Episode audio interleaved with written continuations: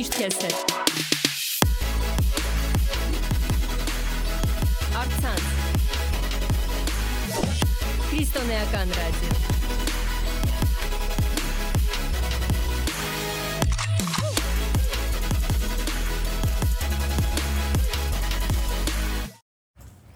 Здравствуйте, дорогие зрители!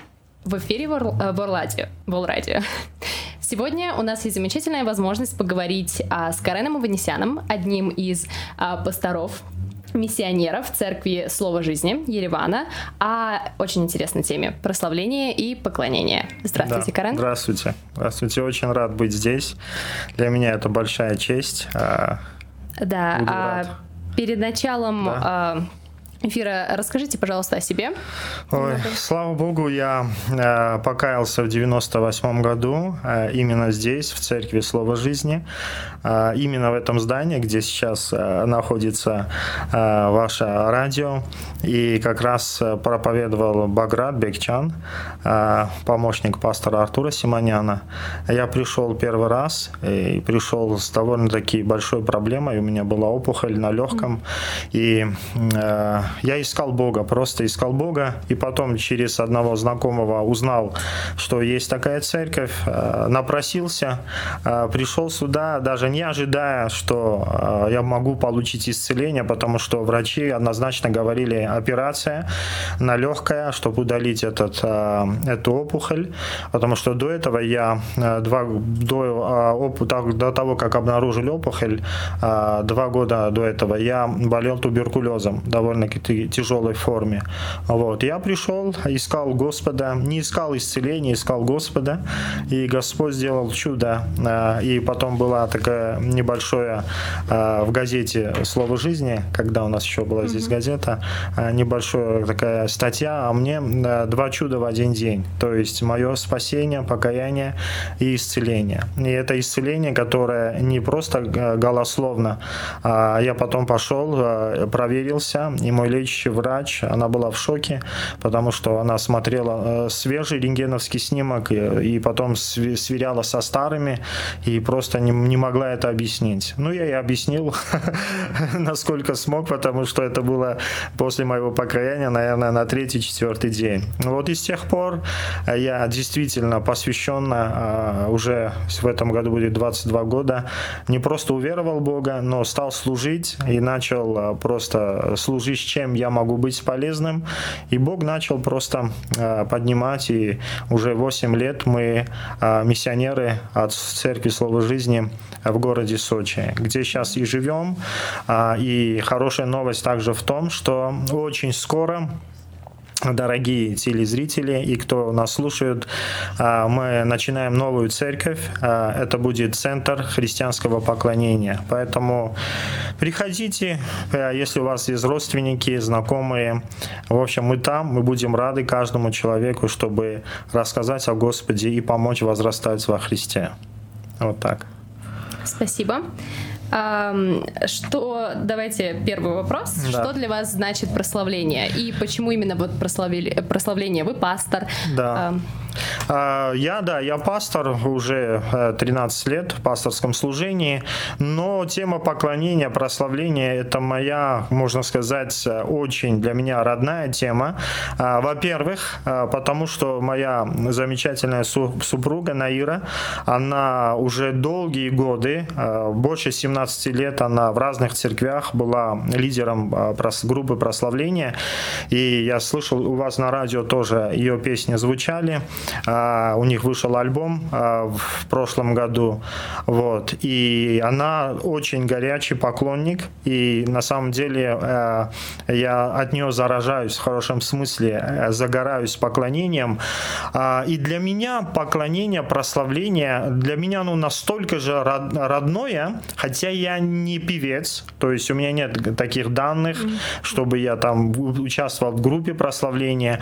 Но когда на меня сходит Дух Святой, Святой во время, именно мы об этом тоже чуть-чуть поговорим, во время пророческого поклонения, Бог даже дает песни. То есть рождаются спонтанные песни, и когда я начинаю в этом течь, я, честно говоря, сам себя слушаю, я понимаю, что это точно не я, и поэтому э, вся слава принадлежит Богу. Поэтому для меня вот проповедовать и поклоняться. Это, вот поверьте, на одном уровне. Я люблю и то, и другое в, рав... в равной степени, потому что я понимаю важность поклонения и глубину поклонению, насколько это мне открыто Господом. Mm-hmm. А, так что происходит, когда мы прославляем, получается? А, во-первых, смотрите, а чем отличается прославление от поклонения, да? А, у многих такой, такие стереотипы не совсем правильные, что быстрые песни, где можно хлопать, это прославление, а уже медленные песни, где нужно поднимать руки, то есть неважно, какой смысл несет текст, то это поклонение. Это такое, может быть, общепринятое понимание о прославлении поклонении, хотя есть более четкое объяснение, которое я, ну, которое я скажу. Смотрите, прославление – это когда мы восхваляем Бога за то, что Он для нас сделал. То есть за его дела, например, за то, что он меня исцелил, за то, что он меня спас и, и, и за многое. То есть за его дела. А поклонение, когда мы также хвалим да, его своими устами, там, словословием, а, но уже не за то, что он сделал, а за то, кто он есть. И то есть пример такой, когда Исаия видит э, Господа, сидящего на престоле, и края риз его наполняли всю землю, и серафимы поклонялись, именно поклонялись и говорили «Свят, свят, свят Господь Саваоф, и вся земля полна славы Его». То есть они восхваляли Его за то, кто Он есть за его святость. Вот это такая основная разница между прославлением и поклонением. Спасибо. Um, Э, многие из нас, э, когда проходят через гонения и трудности, ну, э, нам сложно угу. прославлять Бога в это время. А что вы скажете по этой теме? Знаете, в Новом Завете к евреям написано, чтобы мы приносили жертву уст наших. Знаете, когда, когда все хорошо, когда все классно, и, знаешь, даже песня сама, она из тебя льется, то это очень трудно назвать жертвой уст. Ну, ты поешь и поешь, у тебя классное настроение, ты там подпевающий, у тебя все аллилуйя, там все круто. И на самом деле это трудно назвать жертвой уст. Но Слово Божье говорит, чтобы мы именно также приносили жертву уст наших. То есть, когда для тебя восхвалять или благодарить Бога, это жертва. А когда это может быть жертвой? Жертва это может быть, когда у тебя не так все хорошо, не так все аллилуйя, может быть там проблемы, проблемы, трудности, давление и тому подобное. То есть вот именно в, в этих случаях поклонение, оно высвобождает Божью силу. Знаете, есть такой перевод, когда говорится, что э, мы входим в врата, да, в Божьи врата, mm-hmm. то есть в дворы, в русском переводе, в дворы мы входим через славословие, да, а и в славословии есть такой момент, что когда мы начинаем поклоняться и славить Бога, мы как бы строим Божий Божий престол.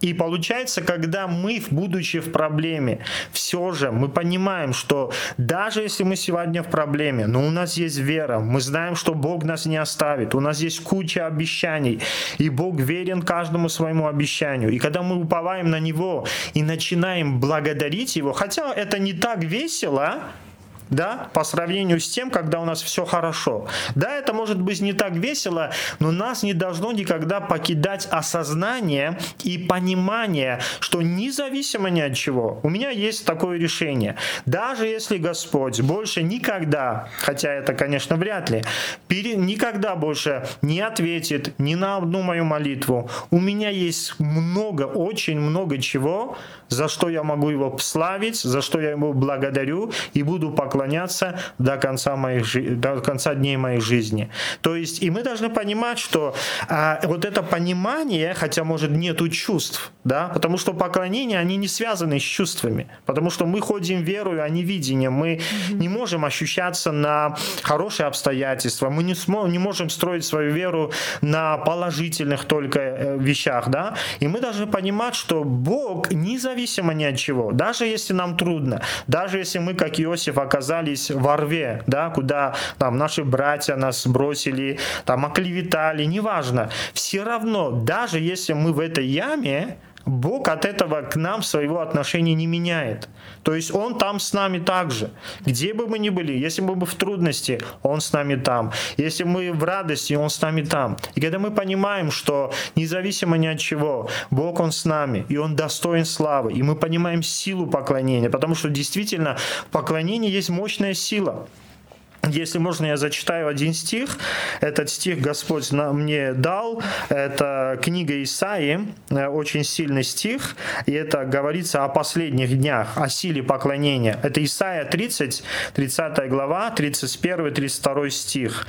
«Ибо от глаза Господа содрогнется Асур». Асур – это одно из имя, это э, имя одного из демонов, таких ну, э, крупных демонов. Написано, что содрогнется Асур, жезлом поражаемым. И написано, всякое движение определенного ему жезла, вот всякое движение, каждый удар, который будет наноситься по дьяволу, по этому демону, будет с тимпанами и цитрами. И он пойдет против него войною опустошительную. То есть Слово Божье говорит, что э, вот эта последняя битва, я верю, что последняя битва, которую Господь окончательно да, сокрушит дьявола под ноги свои, это будет именно через тимпаны и цитры. То есть тимпаны это ударные, все виды ударных инструментов, а цитры это все виды а, инструментов, которые струнных инструментов. То есть здесь конкретно мы видим, речь идет даже именно о музыкальных орудиях. То есть и получается, что Господь говорит, каждый удар, э, то есть получается, что каждое наше поклонение, наше прославление, это похоже на э, тот жезл в руках Господа, которым мы наносим поражение дьяволу. И мы должны понимать, что наш враг это дьявол. И что бы ни было, даже если нам кажется, что люди нам портят жизнь, что люди что-то делают против нас, э, апостол э, Павел говорит Ефесянам 6 6 главе, что наша брань, наша война не против крови и плоти, не против людей, а против духов злобы поднебесной. То есть это духовная брань. И мы должны понимать, и мы видим это даже в Ветхом Завете, что э, очень часто, когда Господь, э, Божий народ, еврейский народ, он шел войною, мы видим, что это во время Езекии было э, царя. Впереди войска шли да, а, левиты, они трубили в трубы, они играли на множестве э, музыкальных орудий, и они прославляли, говорили «Славьте Господа, ибо Он благ, ибо вовек милость Его». И мы видим, и мы читаем в Библии, что бывали войны, которые оканчивались поражением врага и сокрушительной победой даже без единого выстрела из лука или поднятия меча. И это сила именно того поклонения, прославления, которое мы видим. И мы видим также в Новом Завете, когда силу и Павла поймали, бросили в тюрьму. Это вообще уникально, когда написано, и они в полночь, молясь, прославляли Бога. И вы знаете, в чем э, сила? Написано, что не только у них, потому что только они, они были двое верующих, которые были брошены в тюрьму за Евангелие, то есть за Христа, а остальные все были, ну, узниками. Ну, я не знаю, там кто-то за воровство, кто-то за убийство, может быть. То есть они сидели за криминал. И написано, что цепи упали не только у прославляющих, а также и у слушающих. Представляете? То есть это говорит о том, что э, сила поклонения, она настолько мощна, что она может разрушить в жизни твоей не только какие-то цепи, какие-то, э, какое-то рабство или какую-то зависимость, или сокрушить какие-то дела дьявола, а также, когда мы также слушаем прославление, когда мы включаем поклонение и начинаем как бы в этом пребывать, это тоже может, настолько это сильно, это тоже может принести прорыв и принести принести благословение в нашу жизнь. Аминь. Да. А, также, я думаю, очень важная тема — это прославление в семейной жизни. То есть да. не только как э, личности, вот то, что вы сказали, да, э, что и это не только на нас влияет, когда мы прославляем, да, но да. и на других. Что вы скажете по поводу вот, когда семья и э, например, прославление со своими детьми и так далее. Насколько это а, влияет на нас, например? Вы знаете, я думаю, что а, любая победа, которую мы одерживаем в духовном мире, прежде чем а, это проявится в публичном, в публичном, да, публичных местах mm-hmm. или видимом, так сказать, мире, это обязательно должно быть в тайной комнате. То есть любые победы, которые мы имеем, например, мы идем, молимся за какого-то человека, и Господь Господь его исцеляет. Это не потому, что мы там какие-то крутые, помазанные, перемазанные, да, а потому что у нас есть молитвенная жизнь, у нас есть общение с Богом, где мы, общаясь с Ним, где мы, пребывая в Его присутствии, как бы, так сказать, а, питаемся, перепитываемся этим присутствием, то есть, да, какая-то пропитка происходит, да, с Духом Святым. И а кто помазывает? Дух Святой. Это помазание, это, можно сказать, проявление проявление Духа Святого, да, и когда мы имеем вот эту тайную жизнь, будь это наедине с Господом, или когда мы с семье, то есть никто нас не видит, это не публичное служение, да, например, мы с семьей, мы молимся, мы поклоняемся. В нашем случае, когда у тебя супруга лидер прославления, и когда дома есть синтезатор, это чуть ли не круглосуточно.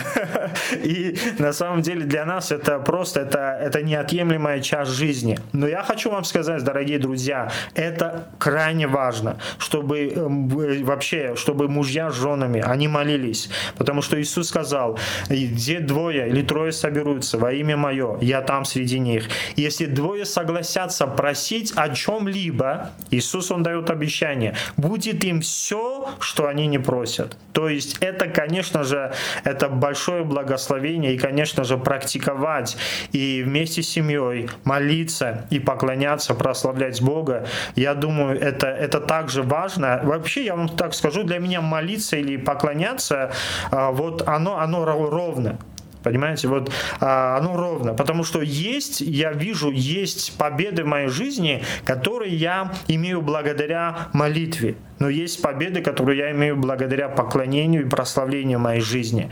Поэтому, если мы говорим о важности молитвы в семье, то это равняется важности молитвы и поклонения в семье вместе с детьми и, в общем, именно в том, чтобы петь, славить и благодарить Бога. То есть это, это, конечно же, это большой плюс и огромное благословение для семьи в том числе.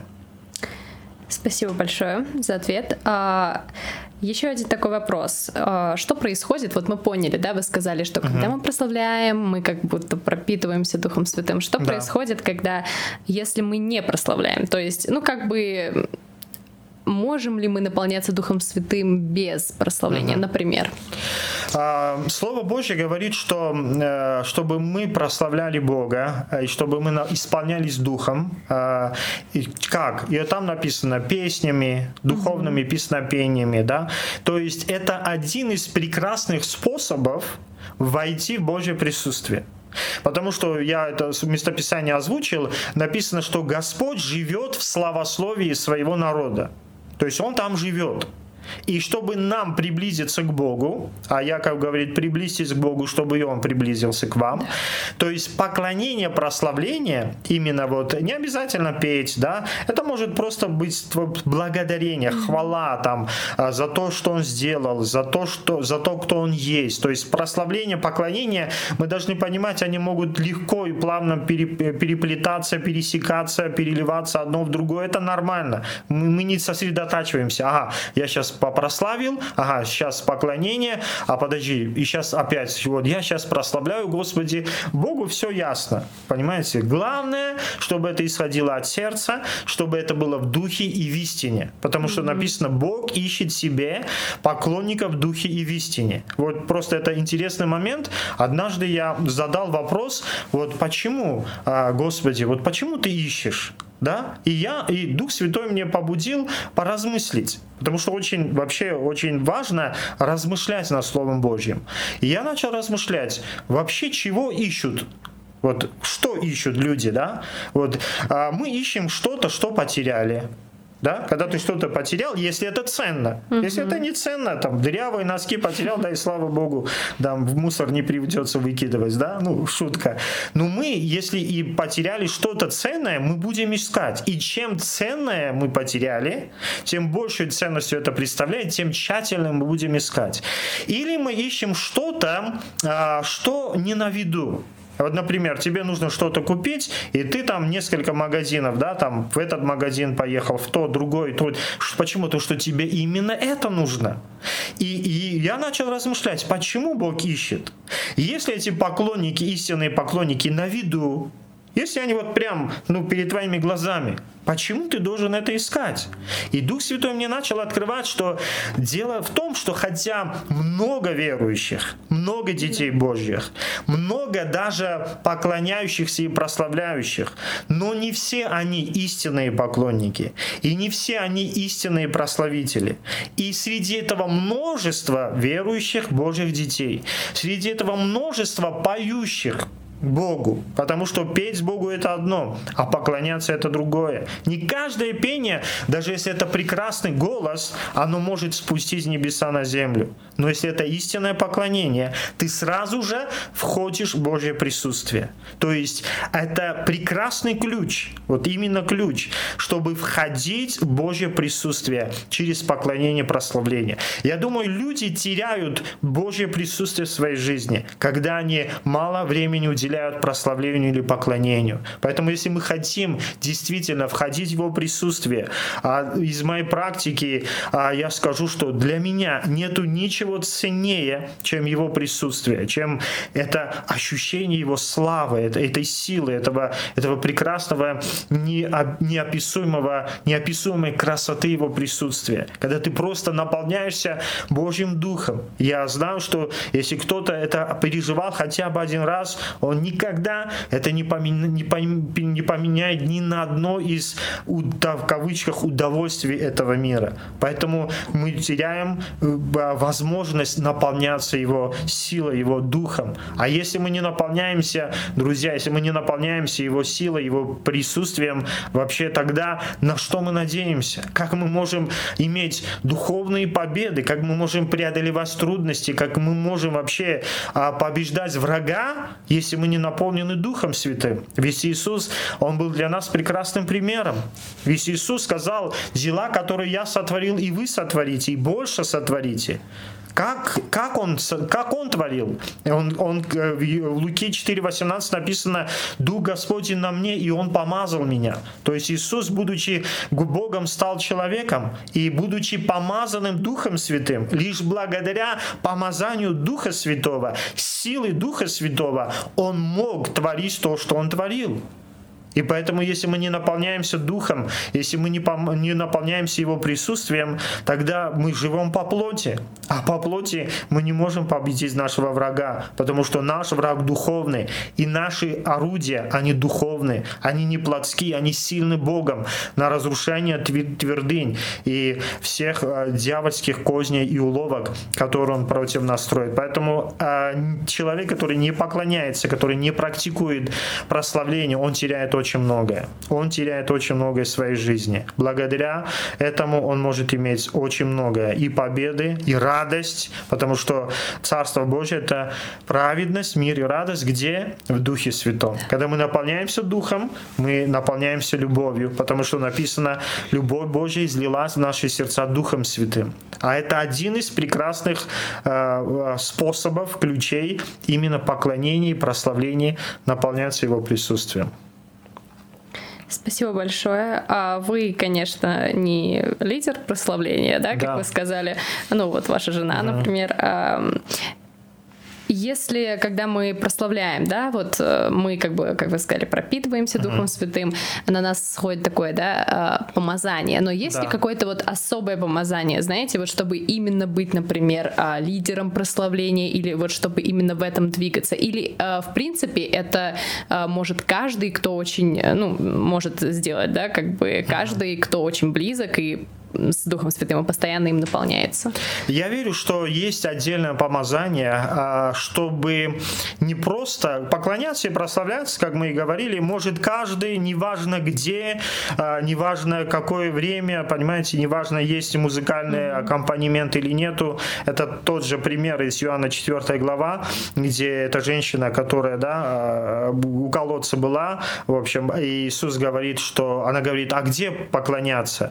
Потому что, говорит, наши говорят, что Яков заповедал на этой горе, а вы говорите в Иерусалиме. Иисус говорит, что э, неважно, то есть место, другими словами, да, я немножко утрирую, он говорит, неважно где, в каком месте, главное, чтобы в духе и в истине. То есть каждый человек, каждый верующий, рожденный свыше человек, он должен и может поклоняться независимо ни от чего. Но люди, которые избраны Богом, они имеют особую благодать и помазание. Для чего? Чтобы на сцене не просто красиво петь, а помогать людям вводить их в это поклонение. То есть лидер прославления, я верю, если он действительно помазан Богом и поставлен Богом, он имеет помазание вводить людей в церкви в Божье присутствие. И очень важно, чтобы лидер помазания, он сам куда вот сам был в тех да, божьих дворах или божьих там палатах царских, куда он хочет вести людей. Потому что если он не был там, он не может их вести туда. Поэтому я верю, что лидер поклонения, да, это, а, это, это особое призвание, это особое помазание, которое есть на этих людях, чтобы не просто петь, а помогать людям, чтобы люди могли входить в это присутствие, чтобы вести людей в глубины поклонения. Потому что я верю, что есть глубины поклонения. А на примере вот такого я вам скажу, а, вот э, мы помним, что был э, этот э, храм Соломона он состоял из трех частей. Это внешний двор, это святилище и святое святых. По закону внешний двор могли заходить любые люди потому что там стоял жертвенник, любой человек мог принести там жертвы и так далее. В святилище могли войти только священники для того, чтобы катить, да, э, э, там, э, ну, вот это, зажигать лампады, хлебы предложения и тому подобное. Но в святое святых, где и был Божий ковчег, и только там было это особое Божье присутствие. Там туда мог ходить только раз в год избранный первосвященник. И человек также, он создан э, как, как храм Божий. Мы же тоже храм Божий. Апостол Павел говорит, вы есть храм Божий, потому что в вас живет Дух Святой. И мы также, это Дух, душа и тело. И наше тело, это наша плоть, она, она как внешний двор. Она соприкасается со всем внешним.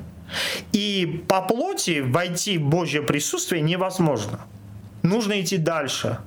Нужно перебороть вот это нехотение, потому что даже а, Давид, царь, говорит, как бы обращаясь сам к себе, я не знаю, он стоял перед зеркалом или нет, но как бы обращаясь сам к себе, говорит, эй, ты, душа моя, почему ты огорчаешься?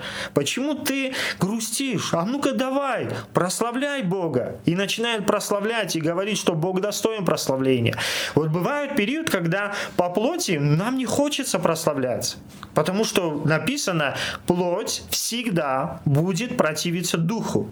Наш дух всегда хочет иметь общение с Богом. Всегда. По-армянски хорошо написано, что а, наш дух, по-русски написано дух бодр, плоть не мощня. По армянски в переводе написано, что а, духу всегда приятно молиться, пребывать с Богом, а плоть всегда противится. То есть, если мы останемся на уровне плоти, мы никогда не войдем в Божье присутствие. Что надо делать? Надо понимание, осознавая, имея откровение важности поклонения, прославления, нам нужно начинать даже где-то заставлять это через жертву уст, да, заставлять себя то есть перешагивать через, свою плоть и начинать своими устами прославлять Бога. Только тогда мы перейдем в другую сферу, сферу души. То есть там уже мы все, мы уже чуть-чуть прорвемся, мы уже через прославление, мы, мы уже будем чувствовать Божье присутствие. Но есть глубины поклонения, куда мы зайдем только поклоняясь Богу. Потому что, войдя через прославление в сферу души, дальше мы можем остаться там, знаете, потому что сегодня мы живем на, в Сочи, там море, да, у нас Черное море. А, иногда, когда приходим на пляж, кто-то заходит в воду только до, по колено. Вот все, ему там, а, аллилуйя, он там себе там чуть-чуть брызгает, побрызгает воды, и все, он думает, он ну, поплавал.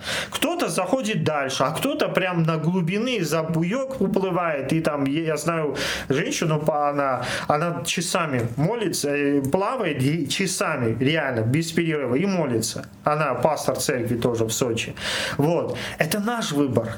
Но если мы зайдем, если мы захотим, если мы попросим Духа Святого вести нас в глубины поклонения, мы просто, мы побываем в таких прекрасных местах в Духе, куда не способна зайти наша душа.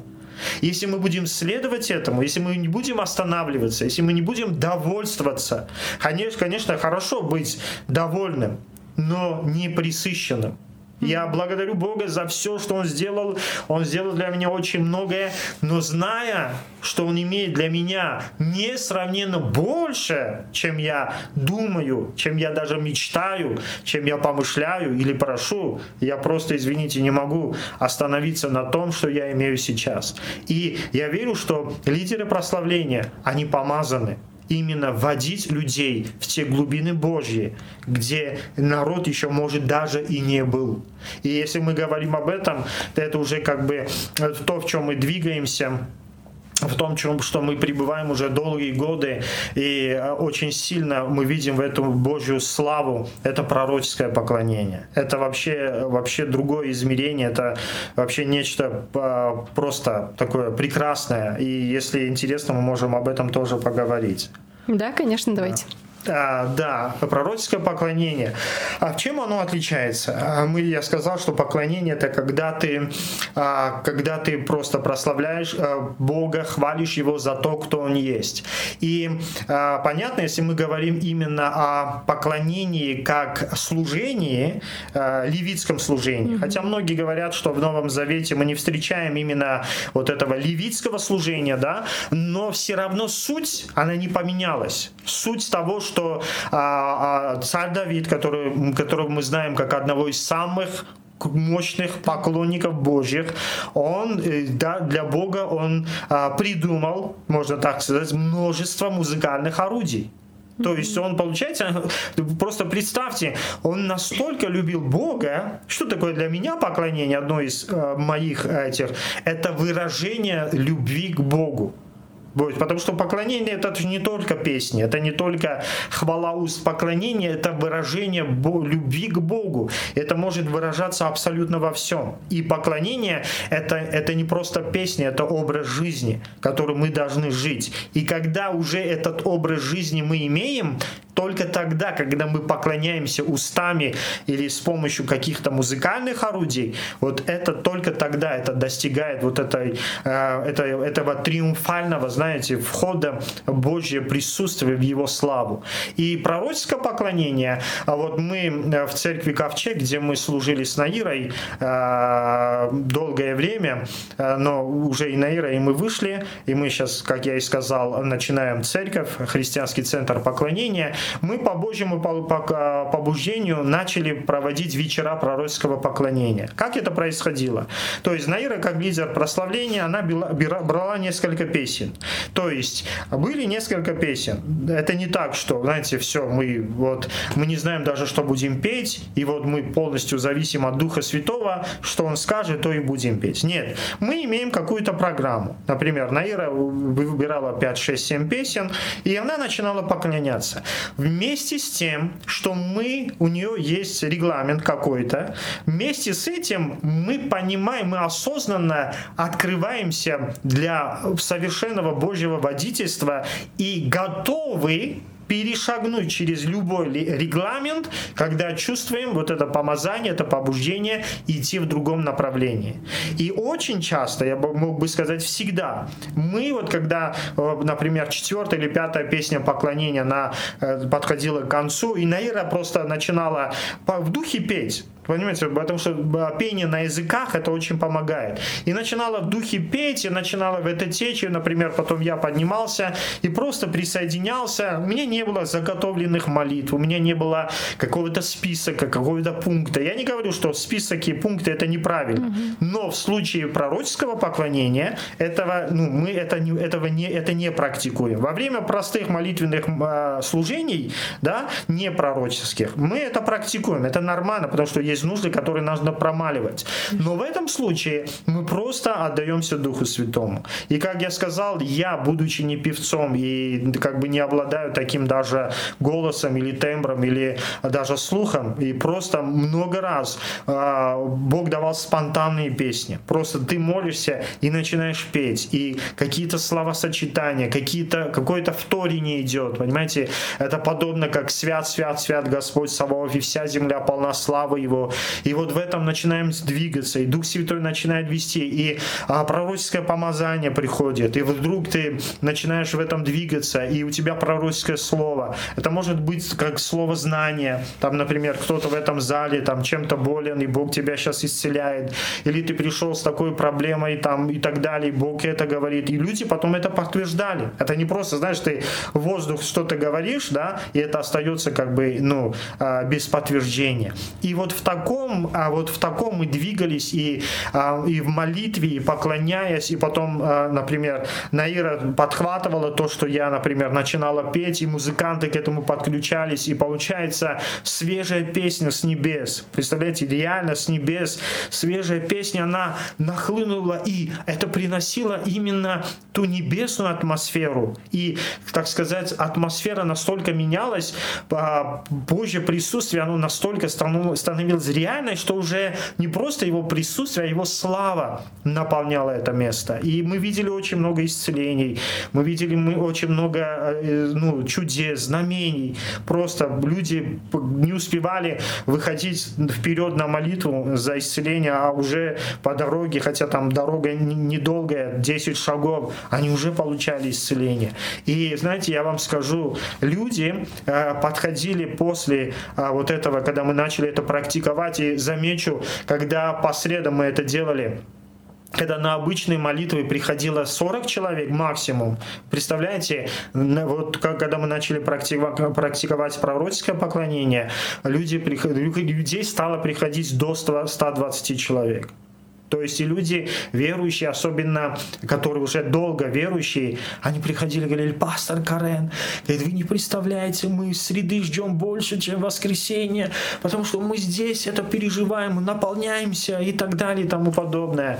И вот это пророческое поклонение, которое и мы сейчас уже начали делать, это один раз уже сделали в январе, 28 будет в Сочи второй раз, мы сделали первый раз, мы сделали межцерковный вечер вечер пророческого поклонения. И действительно, э, мы не ожидали, но пришло людей больше, чем из 10 церквей. Присутствовало 6 пасторов. И э, было около 150 человек. Ну, реально это для первого раза. И, и мы как бы это делали своими силами. То есть с нами были пастора, один пастор, слава Богу, который тоже горит этим. Э, и вот, и вот это пророческое поклонение, я верю, верю, что за ним очень большое будущее. И поэтому что это? Это когда ты просто отдаешься духу и просто уже не ты контролируешь, а уже он контролирует. Помните, как в языке, на Езекииле написано, что вода из-под храма, из-под двери храма, она, она текла. Она сперва была по щиколотку, потом по колено, потом по пояс, потом по шею, и потом уже а, говорит Езекииль, говорит, Езекииль говорит, я не мог уже стоять. Вот у нас здесь выбор пребывать в Божьей славе по щиколотку, по колено, по пояс, или настолько просто отдаться, знаете, чтобы уже не ты стоишь, даже когда тебе по, по шею, да, ты стоишь, ты все равно контролируешь все. Твои ноги тебя держат. А когда ты уже, а когда уже тебя вода покрывает, все, уже твои ноги отрываются, и ты просто течешь в этом потоке. И вот очень важно а, давать первенство и водительство, вот, преобладать, чтобы Дух Святой вел. И когда Он ведет, Он, он может нам, нас привести в такие прекрасные места в Божьем Царстве, в Небесном Царстве, духовно, в которых мы ни, раз, ни разу не были. Но каждое переживание, оно особенное, и каждое переживание, оно очень драгоценно. И когда ты это переживаешь, ты уже можешь помочь другим, чтобы и они побывали в тех Божьих прекрасных местах славы, где ты уже был. Вы поэтому, да, именно вот э, э, церковь э, основываете, да, новую да. именно вот э, по да. пророческому прославлению. Да, наше видение это э, церковь, э, это центр, христианский центр поклонения. Именно наш акцент будет на поклонении. Мы хотим даже чуть-чуть поменять формат богослужения, чтобы он был необычным. В том, в том смысле, что очень большая часть богослужения, оно будет и в начале служения, и под конец служения, оно будет даваться приоритет приоритет э, поклонению. А, у нас будут и отдельные дни, а, которые мы будем а, двигаться именно в пророческом поклонении. Но воскресный день это все равно, как бы ты ни двигался, ты все равно понимаешь, что слово, именно проповедь Евангелия, оно то есть тоже очень важно, и оно тоже очень сильно, и оно тоже должно всегда иметь место. Просто мы будем идти течь, и будем от, мы будем, я уже начал уединяться с Богом и больше, больше, больше сближаться, сближаться с Богом, чтобы это не было, знаете, э, чтобы это не было буквой. Я не хочу больше проповедовать, потому что надо проповедовать, сказать какую-то проповедь, потому что надо. Я хочу слышать от Бога и просто вот эту свежую манну вот в этом духе поклонника просто передавать людям. Я верю, что а, Господь будет приводить людей, и уже есть люди, которые горят таким же видением и хотят вот поднимать такой центр. Поэтому я верю, что это будет очень сильно, и Бог будет прославлен. Слава богу, да, замечательный да. просто проект. Слава богу. А у вас есть такое? Бывает, что вы а, получаете, например, слово, которое вы должны сказать церкви, именно вот во время того, как вы прославляете сами, вы наедине с Богом. Да, именно. да, да, так бывает, конечно, бывает, э, потому что когда ты входишь в Божье присутствие, ты становишься способным услышать от Него.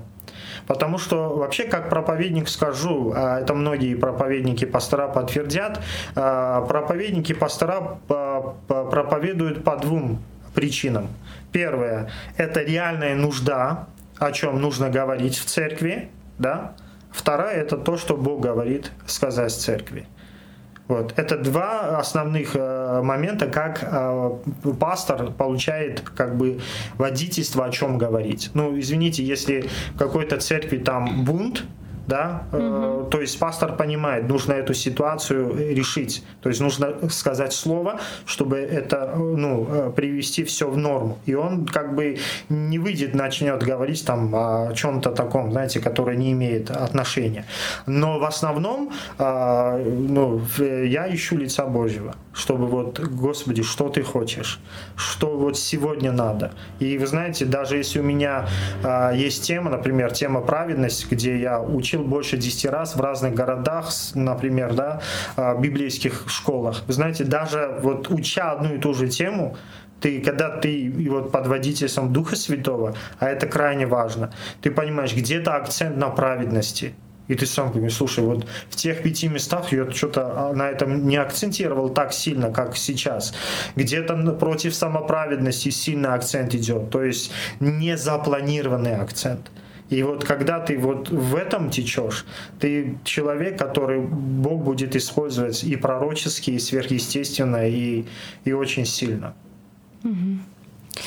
Спасибо. А вот сама по себе музыка довольно, ну, мы знаем, что очень сильный инструмент, и да. не только, да, как вообще в принципе uh-huh. в мире, а, она и может повлиять на настроение человека, и ее все слушают, каждый мы каждый день uh-huh, uh-huh. под, под ее, можно сказать, контролем. Постоянно да, она да. у нас на слуху.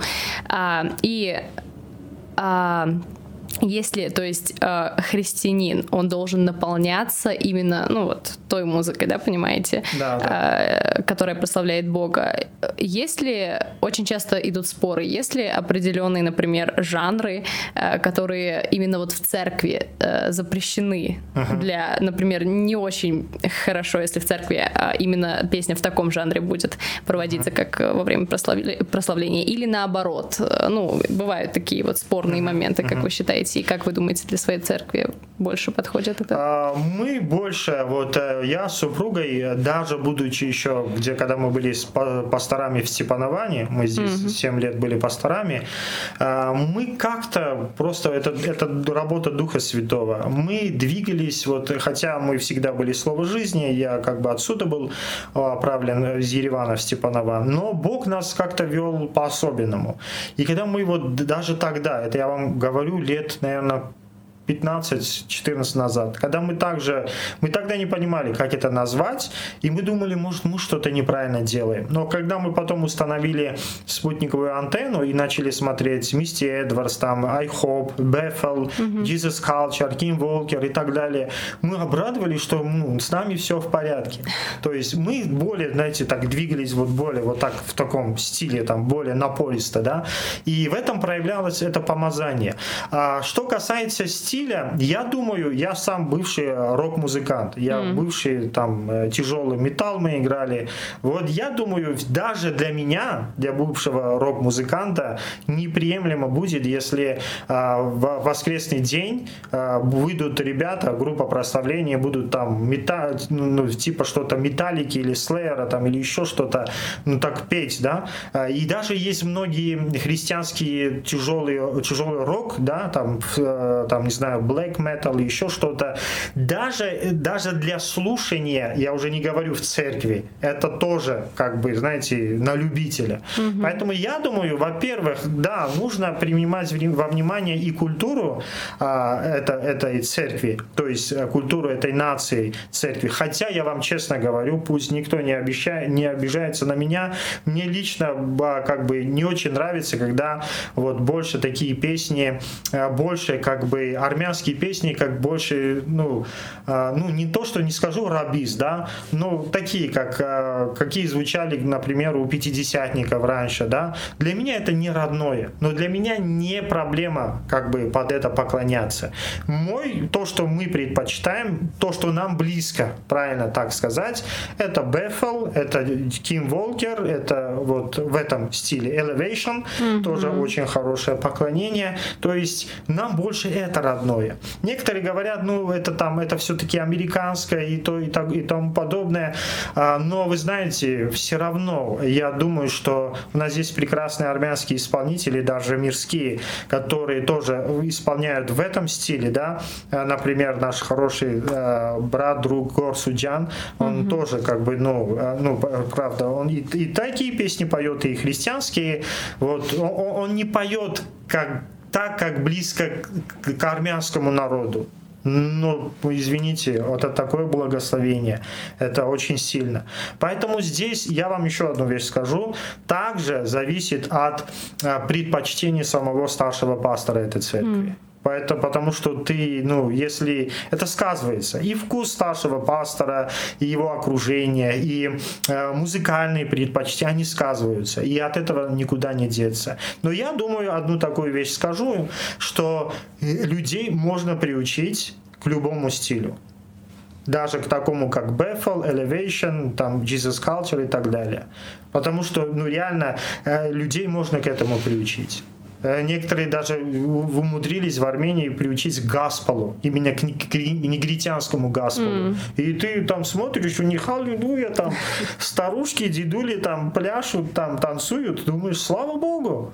То есть вот так. Но не трэш-метал, не тяжелый металл, и уж, конечно, не рабиз, не там вот эти вещи, как бы, я, я думаю, ну, неприемлемо. А вы думаете, что если для человека, например, ну, как вы сказали, неприемлемо или неприятно, например, слушать определенный жанр, а если может ли он поклоняться то есть, э, наверное, сложнее так, как бы вот войти в присутствие да. Бога, наполниться Духом Святым, если ты именно вот слушаешь или пытаешься прославлять под что-то, что тебе не очень приятно. Я такое часто слышала Есть от людей. такое. Есть такое, вот как я сказал, например, когда звучат вот такие песни, да, больше немножко вот на... Я ничего не имею против, uh-huh, потому uh-huh. что я знаю, люди прям переживают Бога под, под эти песни, когда вот это звучат, и они прославляют, и они начинают там, ну, действительно этим нравится, они вот это. Я не критикую их, но мои, лично для меня, да, иногда бывает сложно войти именно вот а, когда звучат такие песни. Но я понимаю, что как бы я, э, как бы это не моя церковь. Если это была моя церковь, этого бы не было. Угу. Я здесь гость, я должен уважать, а, как бы, да, вот это все. И, конечно же, как бы я должен просто стараться оставляя свои предпочтения, не меняя свой вкус, а оставляя свои предпочтения, а, не упускать возможность даже через такое прославление, поклонение, не совсем мне, которое нравится, входить в его присутствие. Спасибо большое, Карен.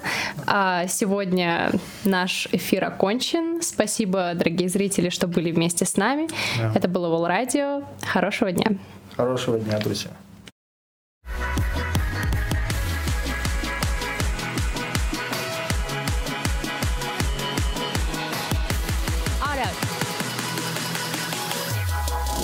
Միշտ քեզ հետ։ Արցանց։ Քրիստոնեական ռադիո։